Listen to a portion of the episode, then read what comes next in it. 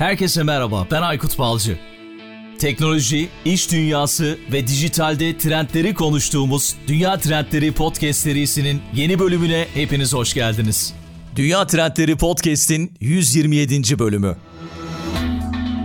Bu bölümde konuğum Michael Page Türkiye ofisinde işe alım süreçlerini yönetme, BT ve dijitalleşme alanında kariyerini sürdüren Rıdvan Soylu oldu.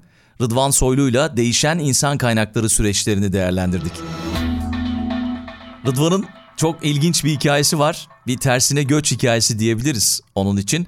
Almanya'da doğup büyüyor. Bielefeld Üniversitesi'nde sosyal ve siyasal bilimler üzerine eğitimini tamamlıyor. Bölümün içerisinde de biraz bahsetti aslında. Tersine göç konusunda neler yapabiliriz bunun üzerine kafa yormaya başlıyor. Üniversite yıllarında başlıyor buna ve bir takım oluşumlar içerisine katılıyor. Bu alanda çalışmalar yürütüyor. Yurt dışındaki beyin gücünü ya da göçünü nasıl tersine çevirebiliriz diye epey bir çalışmalar yürütmüş. Sonra Türkiye'ye geliyor. Tabii ki o da bir beyin göçü ama tersine bir beyin göçü olarak. Türk Havacılık ve Uzay Sanayi'nde çalıştıktan sonra Michael Page Türkiye ofisine geçmiş ve burada da yeni yetenekleri iş dünyasına profesyonelleri kazandırmaya devam ediyor. Bölüme geçmeden önce gönderdiğiniz mesajları, yazdığınız yorumları her hafta okuyup hepsine cevap vermeye çalışıyorum. Bir kez daha çok çok teşekkür ediyorum. Apple Podcast, YouTube yorumlar bölümünden, Ekşi Sözlük'ten ve sosyal medyadan yorumlar yazıyorsunuz. Çok çok sağ olun. Zaten bölümleri sık sık daha fazla kişiye ulaşalım diye de paylaşıyorsunuz. Bunun için de ayrıca teşekkürler. Teknik olarak sesle ilgili geçtiğimiz bölümlerde bir eleştiri aldım. Podcast'lerde S'lerin yani bölümler içerisinde S'lerin patladığı ve rahatsız edici olduğu yönünde. Sonradan fark ettim. O bölümü bir daha dinledim bir bölümle ilgili mi acaba bu oldu diye. O bölümde biraz hasta olduğum, nezle olduğum bir yayındı. Biraz daha tiz çıkmış ses ama yine de genel olarak bunu düzeltmeye çalışacağım. Dikkat edeceğim. O yorumu yollayan arkadaşımıza çok çok teşekkür ediyorum. Eğer sizi de rahatsız eden sevdiğiniz ya da sevmediğiniz bir şeyler varsa bu teknik olabilir, içerikle ilgili olabilir. Lütfen çekinmeden bana yazın. Mutlaka onları dikkate alacağım. Çünkü bu podcast'i birlikte büyütüyoruz, birlikte geliştiriyoruz. Daha iyi olsun her şey daha güzel içerikler üretelim, teknik açıdan sıkıntı olmasın diye elimizden geleni yapalım diye düşünüyorum. Peki bölüme geçmeden önce sosyal medya üzerinden yine her zaman olduğu gibi bölümü paylaşırsanız daha fazla kişiye ulaşabiliriz. Patreon üzerinden de destek olmak isterseniz bölümün açıklama kısmında ilgili linklerin hepsini bulabilirsiniz. Her zaman olduğu gibi bölümün sonunda belki de gelecek hafta size de teşekkür edebilirim isminizle. Hazırız. Yeni bölüme 127. bölüme başlıyoruz. Rıdvan hoş geldin. Selamlar. Hoş bulduk Aykut. Selamlar. Teşekkürler böyle bir programa davet ettiğin için. Rica ederim. Çok çok değerli bir yayın olacak. Uzun zamandır da planlıyoruz. Çok da değişik bir şey oldu. Normalde Almanya'dasın ama işte son iki yıldır her şey birbirine girmiş durumda, değişmiş durumda. Şu anda İstanbul'dan, İstanbul operasyonuyla karşımızdasın. Yani oradan çalışma hayatını sürdürüyorsun. Hemen sorayım nasıl bir duygu, nasıl tuhaf yani gerçekten. Ben mesela Türkiye'den Almanya'ya geldim. Sen Almanya'dan Türkiye'ye gittin. Ama kaybettiğimiz hiçbir şey yok. Her şey aynı şekilde devam ediyor herhalde.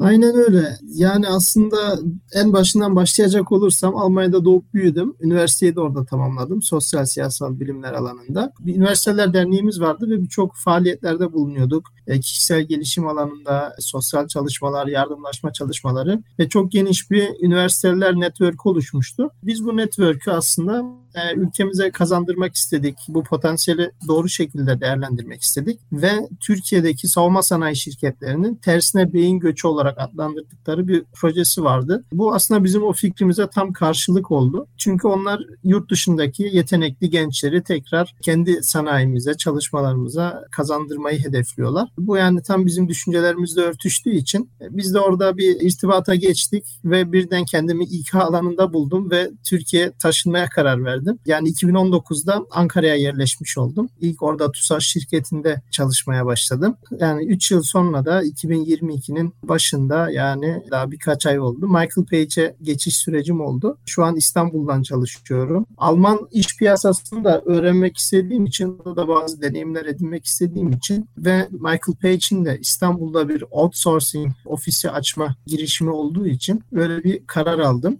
Şu an İstanbul'dan Almanya'daki iş alım süreçlerine destek veriyoruz. Almanya backgroundlu birçok arkadaşımız var şu an. E, bu ekiplerimiz daha da büyüyecek. Global anlamda farklı ülkelere, Fransa, İngiltere'ye de yani İstanbul merkezli farklı ülkelere e, hizmet ekipleri oluşturulacak. Aynen bu şekilde özetleyebiliriz. Harika Rıdvan. Yani sen tam tersi bir şey yapmışsın. Çok da ilginç ve anladığım kadarıyla Almanya'dan Türkiye'ye de iş gücünü taşıyorsun. Çünkü son dönem içerisinde farklı bir algı var. Yani algıdan ziyade de istatistikler de öyle yanılmıyorsam sen daha iyi bilirsin. Hani Türkiye'den yurt dışına bir beyin göçünün olduğu ya da beyin göçü de demiyoruz demek istemiyoruz böyle. Beyin gücü diyelim diyoruz ona. Şimdi beyin göçü deyince böyle olumsuz bir şey oluyor. Onu demek istemiyorum açıkçası. Sanki böyle ülkeye bir e, fayda sağlamıyor gibi.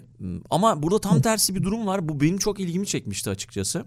Burada ilgi nasıl? Yani belki biraz bunlardan bahsederek girebiliriz konuya. Evet yani ilk gelme amacım buydu aslında. Yani bu trendi biraz daha tersine çevirmek ve Avrupa'daki hem Avrupa'da doğup büyüyüp yetişmiş gençlerimizi hem de Türkiye'de yetişip Avrupa'ya göç etmiş gençlerimizi tekrar ülkeye kazandırma adına çalışmalarımız olmuştu. Yani tabii ki burada birçok farklı faktörler de devreye girdiği için yani bir yere kadar etki edebiliyorsunuz bu duruma. Ee, biz kendi çapımızda o zamanlar güzel çalışmalar yaptık. Bazı staj programları gerçekleştirdik. 80 üzerinde arkadaşımızı şirketimizde ağırladık ve bunlar hepsi yani son dönem öğrencileriydi. Yani final döneminde olanlar, mezuniyete yakın olanlar. Amacımız da onları mezun olduktan sonra şirketimize kazandırmaktı ve bu sayede kazandırdığımız birçok arkadaşımız da oldu. Harika. Biz bu bölümde biraz pandemi sonrasını, pandemi öncesini arasındaki farkı konuşacağız. Çünkü ben yayınlara başladığım dönem pandemiyle birlikte başlamıştım yayınlara. Ondan sonra da işte Türkiye'de hızlı, çevik bir şekilde bu konuyla ilgili hareket eden şirketler oldu. Değişime ayak uyduran, hızlı bir şekilde ayak uyduran şirketler oldu. O yüzden de pandemiyle birlikte değişen insan kaynakları süreçleri benim hep kafamın köşesinde olan, gerçi iki yıllık bir süredir devam ediyor ama kafamın köşesinde olan bir konuydu ve senle de bu konuyu bu bölümde konuşacağız. İşte yaşanan pandemi döneminde şirketlerin sanal ortamda işlerini devam ettirmek, çalışanlarının sağlığını korumak ve maliyetleri etkin bir şekilde yönetmek için hızlı tepki vermesi gerekiyordu. Bazı şirketler çok çok başarılı oldular, bazıları bocaladı. Ama pandemi öncesi durum çok farklıydı. Pandemi öncesi çalışma ortamını, e, insan kaynakları uygulamalarını anlatarak belki yani öncesi sonrası diye böyle karşılaştırarak başlayabiliriz. Tabii memnuniyetle. Pandemi öncesinde de yani ilk olarak e, bunu altını çizmek istiyorum. Yani pandemi öncesinde de çok ciddi çalışmalar vardı. Başarı hikayeleri mevcut, örnek uygulamalar mevcuttu. Ama tabii pandemi öncesi ve sonrasındaki yani arasındaki o değişimi görebilmemiz için pandemi öncesindeki bazı örneklere ve durumlara dikkat çekmek istiyorum. Yani biliyorsunuz esneklik anlamında çok fazla bir hareket alanı yoktu. Yani sabah 8 akşam 5 mesaileri, sabit bilgisayarlar ve telefonlar yani home office imkanı tanınmıyordu. Onun haricinde yani adayların mülakat görüşmeleri için yolda kaybettiği zamanlar, e, çalışanların sabah işe yetişebilmesi için trafikte çektiği çileler. Yani bunlar ne yazık ki mevcuttu. Böyle örneklerimiz de ne yazık ki mevcuttu. Ve hal böyleyken yani kimse bizi bu boyutlarda etkileyeceğini aslında hesap edemediği bir pandemi süreci yaşadık. Ve bugün de tam manasıyla atlatmış değiliz yani ne yazık ki. Evet. Bu şekilde özetleyebiliriz. Pandemi esnasında çalışanların yaşadığı sorgulama ve fikirsel bir dönüşüm var. Bunu nasıl yorumlarsın, nasıl anlatırsın bize? Yani pandemiyle birlikte hayat durma noktasına geldi. Birçok şirketler için ağır kayıplar oldu. Bazı sektörler ağır darbeler aldılar. Bilhassa hizmet sektörü, turizm, perakende sektörleri. Ve insanlar bu süreçte durumlarını ve çalışma şartlarını sorgular hale geldiler aslında. Yani maddiyat haricinde de başka değerlere e, önem vermeye başladılar. Başka değerler de ön plana çıkmaya başladı. Ve neticede e, dünya çapında Great Resignation veya Big Quit dediğimiz e, vakaya sebebiyet verdi. Yani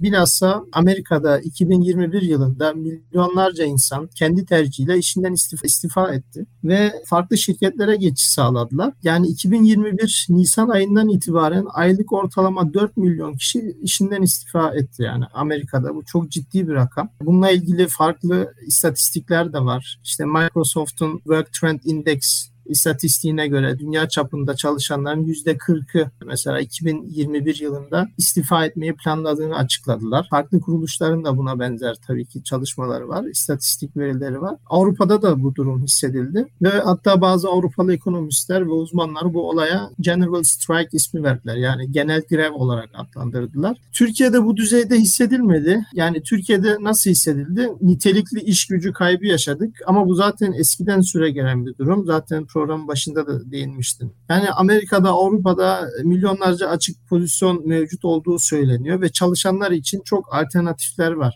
Bu alternatifler ülkemizde bu derecede olmadığı için insanlar da işini kaybetmek istemedi ve ülkemizde bu derecede hissedilmedi diyebilirim. Ama evet. dünya çapında büyük bir krize sebebiyet verdi. Evet evet Amerika'da işte büyük istifa dediğimiz o durum işte Belçika'daki 4 güne inen çalışma günü Çalışma saati aynı kaldı galiba. Ama 4 gün çalışacaklar.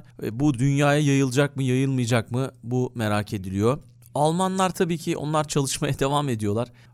Biliyorsun yani seviyorlar onlar çalışmayı. Türkiye'de de benim kişisel gözlemim tabii bu bir istatistik değil ama özellikle LinkedIn benim çok fazla takip ettiğim bir mecra. Orada böyle çok fazla insanlar iş değiştirdiler. Farklı işlere gitti insanlar. E tabii bir de bu dönemde kendi kendimizi sorguladık çok fazla. Ne oluyor, ne bitiyor? İşte çalışarak nereye gideceğiz? Hep çalışacak mıyız? Sağlık daha önemli gibi şeyleri düşünmeye başladık. Aile daha önemli gibi şeyleri düşünmeye başladık. Belki onların da etkisi var diye düşünüyorum. Evet peki şeyden bahsedecek bu pandemi öncesi durumu hani özetlerken oradaki radikal değişimleri daha iyi anlayabilmemiz için bir takım örnekler versen bize. Mesela yüz yüze gerçekleşen mülakatlar yerini artık Online yapıyoruz herhalde. Sen İstanbul'dasın ama farklı ülkelere ulaşabiliyorsun. Bu önceden de böyle miydi? Yani bu kadar yoğun muydu? Ee, öncelikle şunun altını çizmek istiyorum yüz yüze mülakat yine en etkili metot aslında bir insanı tanımak için. En ideal aslında olması gereken yüz yüze mülakatlar yani yerini tamamıyla dijital mülakatlara devretmemesi gerekir ama tabii ki dezavantajı şuydu yani uzak şehirlerden yüzlerce kilometre yol kat edip gelen adayları biliyorum ve ilk görüşme için bunu yapıyorlardı. Yani en azından süreci bir noktaya getirene kadar dijital uygulamalardan istifade edilebilir. Ne yazık ki geçmişte çok fazla böyle uygulamalar yoktu veya vardı ama bizim yani şirketlerimiz, yöneticilerimiz henüz ikna olmamıştı bunun uzaktan da yani dijital ortamdan da gerçekleştirebileceğine dair. E, şu an bu kanıtlanmış oldu. Şu an zaten en büyük kanıtı da aslında bizim İstanbul'daki Michael Page'deki ofisimiz, outsourcing ekibimiz. Yani biz şu an bedenen Türkiye'deyiz ama tamamıyla Almanya'daki şirketlere Alman adayları yönlendiriyoruz. E, oradaki istihdama katkı sağlıyoruz. Yani bunun bu derecede yapılabilir olduğunu daha önce birçok yöneticilerimiz ne yazık ki kabul etmiyorlardı. E, şu an mesela sen de gördüğüm kadarıyla e, birçok farklı yayın kuruluşlarında hala faalsın ama Almanya'dan destek veriyorsun. E, o yüzden biz ikimiz aslında bu olayı ispat ediyoruz yani. yani ilginç olan şu yani ben işte bunu bilmiyorum podcast'ta anlattım mı? Türkiye'de radyo programcısıydım. Seninle de off the record'da konuşmuştuk kayıt dışında. Radyo programı yaparken son çalıştığım kuruma sanki içime doğmuş gibi. O zaman pandeminin çıkacağını bilmiyorum. Ben yayınlarımı uzaktan yapmak istiyorum dedim. Onlar hafif böyle bir gülümsediler. Hani böyle bir şey olur mu uzaktan? Ben de olabileceğini anlatmaya çalıştım onlara. Artık yani teknoloji gelişmiş durumda uzaktan canlı yayın bile yapılabileceğini stüdyonuz olduğu sürece evinizde eğer araç ve gericiniz varsa, imkanlarınız varsa sanki stüdyodaymışsınız gibi yayın yapabileceğimi söyledim ama ona ikna edemedim. Ama bir buçuk iki ay sonra bana telefon açtılar. Herkes evden yapıyor yayınları. Yani sen nasıl bir şey öngördün gibisinden. Ya bu öngörü değil zaten olan bir şeydi.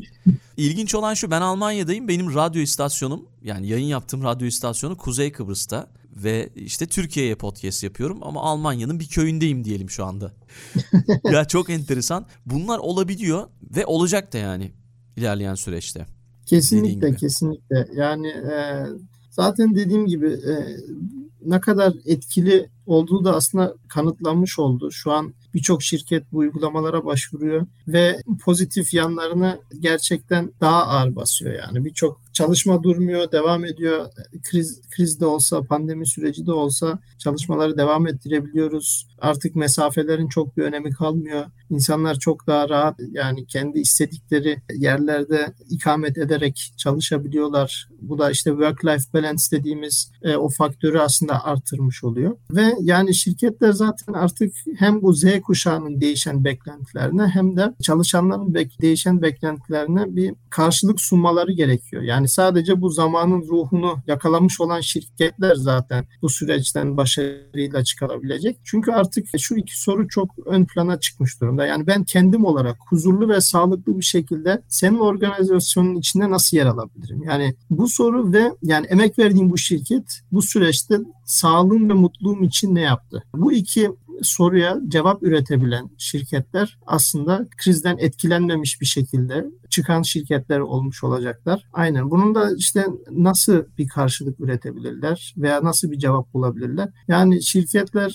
güven duygusu sağlaması gerekebiliyor. Ee, bunun içinde bir pandemi politikası üretmeleri gerekiyor. Remote çalışma, home office çalışma imkanları sunmaları gerekiyor. İş yaşam dengesine önem vermeleri gerekiyor. İş sağlığıyla ilgili uygulamalar e, ön plana çıkıyor. İşte sağlıksal konular için bütçe ayırmaları gerekiyor. Ve her şeyden önce aslında insanı ve çalışanı ön planda tutmaları gerekiyor.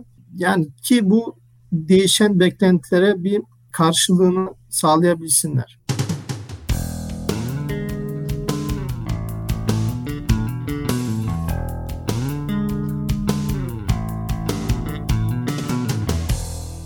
Yani yeni alışkanlık oluşturma süreci bazen çok hızlı oluyor, bazen de çok zor ve yavaş oluyor. Ama bu dönem içerisinde bu yeni alışkanlıkları oturtma süreci çok hızlı bir şekilde gerçekleşti diye düşünüyorum. O yüzden bazen böyle hani her şerde bir hayır vardır diye söyleriz ya. Çok söyleriz bunu. Ben buna çok inanıyorum gerçekten. Bazen kötü bir şey olduğu zaman ya bunun arkasından iyi bir şey gelecek diye düşünüyorum. Belki böyle bakmak gerekiyor. Tabii bir sürü insanımızı kaybettik. Dünyada, dünya çapında bir sürü insan maalesef bu Covid yüzünden hayatını kaybetti. İşte sağlık çalışanları çok zor zamanlar yaşadılar. Onlara da bir kez daha teşekkür edelim. Yani ama yani olumlu yanları da oldu diye düşünüyorum. En azından bu insan kaynakları tarafında bunun en güzel iki örneği ikimiziz herhalde. Öyle gözüküyor. Ve aslında en büyük e, avantajı da şu oldu insan kaynakları perspektifinden baktığımızda. insan kaynakları aslında operasyonel güçten tekrar stratejik bir ortağa dönüştü. Yani birçok yönetici nezdinde ne yazık ki İK'ya hak edilen değer verilmiyordu. Ama artık bu değişen beklentilere bir karşılık sunabilmek için İK ile el ele çalışılması gerekiyor yani. O yüzden e, hak ettiği yerini tekrar almış oldu insan kaynakları da. Peki şimdi pandemi sonrası öngörülerin nedir? Yani bu alışkanlıklar böyle devam eder mi? 2022 yılında İK liderleri neye odaklanacaklar? Birkaç soru oldu belki ama e, senin hı hı. deneyimlerinden yararlanmak isteriz açıkçası. Tabii ki yani durumların bu boyuta gelebileceğini öngörmek tabii ki hiçbirimiz için mümkün değildi. Ve birçok şirket hazırlıksız yakalandı. Ve bu ortamı sağlamak adına aslında birçok uygulamalar ve çalışmalar sürse de bu bir süreç ve daha kat edilmesi gereken çokça mesafemiz var yani. Pandemiden kurtulmaya doğru gitsek de bu değişen beklentiler kaybolmayacak. Yani istatistiklere göre home office uygulamalarıyla çalışan insanların yaklaşık %40'ı bu şekilde çalışmaya devam edeceklerini bildirdiler. O yüzden 2022'de ve sonrasında bizi bekleyen bir dijitalleşme süreci olacak aslında. Yani insanlar konvansiyonel alışkanlıklarını bırakıp dijital uygulamalara yöneldikleri için bu hayatın hatta birçok alanına yansıdı. Yani alışveriş alışkanlıklarımızda da bunu görebiliyoruz misalen. Yani uzaktan çalışma olanağını sağlayacak teknolojiler daha çok ön plana çıkacak. İşte şu an zaten çok yoğunlukla kullanılan Zoom, Microsoft Teams, Slack, Salesforce gibi birçok uygulamalar var. Bunlar artacak, bunlar e, optimize edilecek. Performans ölçebilme teknolojileri geliştirilmesi gerekiyor. Uzaktan çalışanların performansını ölçecek yeni teknolojiler. Onun haricinde yani verilerin doğru değerlendirebilmesi için teknolojiler ön plana gelecek. Ee, uzaktan çalışan personellerin eğitimini devam sürdürebilmek için e-learning modülleri geliştirilmesi gerekiyor. Online workshoplar nasıl daha etkili hale getirilir? Bunun üzerine kafa yorulması gerekiyor. Her şeyden önemli, önemlisi dijital ortamlarda artık sadece bir arada çalışan personellerin sosyalleşmesi de gerekiyor kendi aralarında. Bunun için de platformlar e, geliştirilmesi gerekiyor iş alanında. Bizim Michael Page'de şu an e, Yama isminde Facebook'a benzer bir uygulamamız var. Tüm çalışanlar bu sosyal platform üzerinden etkileşime geçebiliyorlar. Platform üzerinde sosyalleşebiliyorlar. Bu, bunun aslında başarılı bir örneği diyebilirim. Şirket içerisinde ama değil mi bu? Tabii tabii bu tamamıyla şirket içerisinde kendi yaptığımız çalışmalar yani kendi şahsi işte doğum günlerimiz olsun şeyler olsun orada etkileşime geçebiliyoruz ve daha henüz tanışamadığımız çalışma arkadaşlarımızla da etkileşime geçerek tanışabiliyoruz. Pandemi döneminde çok yakın bir arkadaşım bir yazılımcı arkadaşım yine bir iş buldu bir şirkette ve o dönem içerisinde uzaktan çalıştı. Hiç şirkete gitmedi. Ondan sonra yaklaşık bir sene sonra başka bir işe geçti. E, inanılmaz yani şirkete hiç gitmeden çalıştı, işleri yürüttü, maaşını aldı. Orada insanlarla tanıştı ama yüz yüze görüşmedi ve bir yıl boyunca böyle götürdü. Ve tabii bunu yapan çok daha fazla insan var. Mesela işte yine Türkiye'de çalışıp Amerika'da iş yapan birçok yazılımcı arkadaşım var. Süreçler artık bu şekilde devam ediyor. Ama merak ettiğimde bir konu var açıkçası. Bu çok çok merak ettiğim bir konu. Önümüzdeki dönem içerisinde özellikle genç profesyonellerden neler beklemek gerekiyor? Daha doğrusu onların beklentileri nasıl değişti? hangi alanlarda gelişim sağlamak çok daha değer yaratacak? Size gelen taleplerden belki az çok bir çerçeve çizebilirsin bize. Kesinlikle yazılım alanında çok daha büyük bir rağbet var ve birçok çalışmalar artık dijital ortama döküldüğü için mecbur hepimiz yani gün geçtikçe bu yazılım uygulamalarına daha aşina olmamız gerekecek. HR alanında da birçok çalışan artık bu verileri doğru şekilde yönetebilmek için, değerlendirebilmek için bazı yazılım uygulamalarını öğrenmesi gerekebilecek. Yani bu people analytics dediğimiz konular ön plana çıkacak diyebilirim. Rıdvan şimdi hep çalışanlar üzerinden gittik. Çünkü sen işe alım yapıyorsun ama eminim ki yöneticileri de işe alıyorsun büyük şirketlere ve yöneticiler tarafında neler değişti? Liderler tarafında neler değişti ya da değişecek? Yani aslında liderleri bekleyen en büyük challenge'ler aslında şunlar. Yani geleceğin liderleri koçluk yeteneklerini kuvvetlendirmeleri gerekiyor. Yani karmaşık ve belirsizlik şartlarında da organizasyonlarıyla başarıya başarıyla taşıyabilmeleri gerekiyor. Bunun için de yani çalışma arkadaşlarını fiziksel ortamlara bağlı kalmadan da ortak hedeflere yönlendirebilmeleri gerekiyor.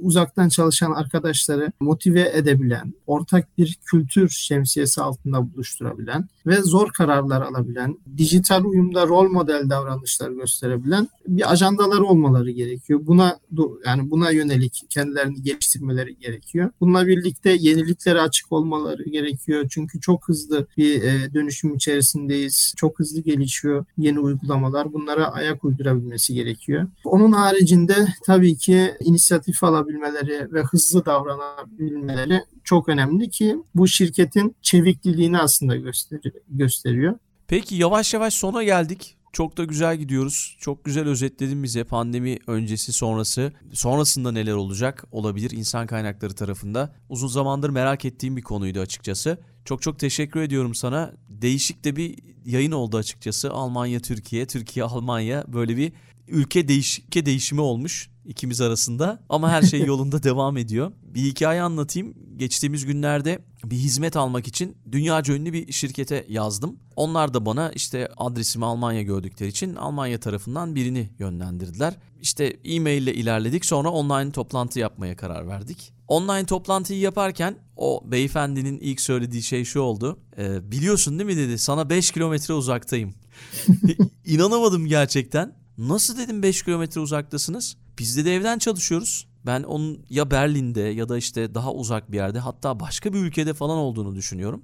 Yok dedi 3 senedir zaten evden çalışıyormuş o. 3 senedir evden çalışıyormuş. İlginç geldi sonra şey yaptık o zaman dedim bari yüz yüze görüşelim. Hemen yüz yüze buluştuk. Bir kahve içtik, sohbet ettik. Çok enteresan bir durum oldu gerçekten. Bu Türkiye'de de olabilir. Yani başımıza gelebilir veya Avrupa'nın başka ülkesinde, dünyanın herhangi bir başka yerinde de başımıza gelebilir. Böyle ilginç bir tesadüf oldu. Bunu da anlatmak istedim. Çünkü değişen iş dünyası her an herkesi böyle sürprizler yapabilir diye düşünüyorum. Kesinlikle kesinlikle ilerleyen süreçte belki çok daha farklı uygulamalara da şahit olacağız. Yani home office çalışma veya %100 remote çalışma modelleri üzerinde çokça örnekler verdik. Buna ek olarak aslında şunu da belirtmek istiyorum. %100 remote çalışma modelinde birçok zorluklar da aslında bizi bekliyor. Yani bu daha önce saymış olduğum o noktaları hayata geçirebilmek %100 remote çalışma modelinde e, henüz çok zor. Daha uygulamalar, teknolojik, dijital uygulamalar optimize edilmesi gerekiyor. Şu an en ideal aslında çalışma stili hibrit çalışma modelleri diyebilirim. Bu onun çok güzel bir karması. Peki şu aklıma geldi. Yani insan kaynakları tarafında geçtiğimiz günler içerisinde bir makale okumuştum Harvard Business Review'de. Diploma gereklilikleri ortadan kalkıyor mu diye bir soru sormuş sormuşlardı o makalede. Böyle bir şey olabilir mi sence? Şunu söyleyebilirim. Kendine güvenen, aday değerlendirme mekanizmalarına güvenen şirketler diplomaya bakmazlar. Onlar zaten kendi süreçleri e, esnasında adayın yeterliğini ölçebilirler. Yani diploma hala diplomaya başvuran şirketler genelde bu ölçme mekanizmalarına, kendi ölçme ölçüm mekanizmalarına güvenmeyen şirketler diyebilirim. Çünkü şey dedin ya yazılım alanında önümüzdeki yıllar içerisinde çok daha fazla insan kaynağına ihtiyaç olacak ve genelde yazılım alanında çalışanlar da böyle kendi kendini geliştirmiş, çok fazla diplomanın ön planda olmadığı çalışanlar diye gözlemliyorum. Ya da onlar Kesinlikle. bir şekilde evet yani ya bir şekilde devam ettirmiyorlar. Vakit bulamıyorlar belki e, ya da girişimci oluyorlar öyle söyleyelim. O Ki yüzden... böyle profillerden diploma istediğinizde de zaten e, otomatikmen reddediyor ve görüşmeyi kesip atabiliyor yani. Çünkü gerçekten alanında uzman yazılımcıların çok fazla alternatifi var. Bu kişilere ulaşabilmek için gerçekten süreci olduğunca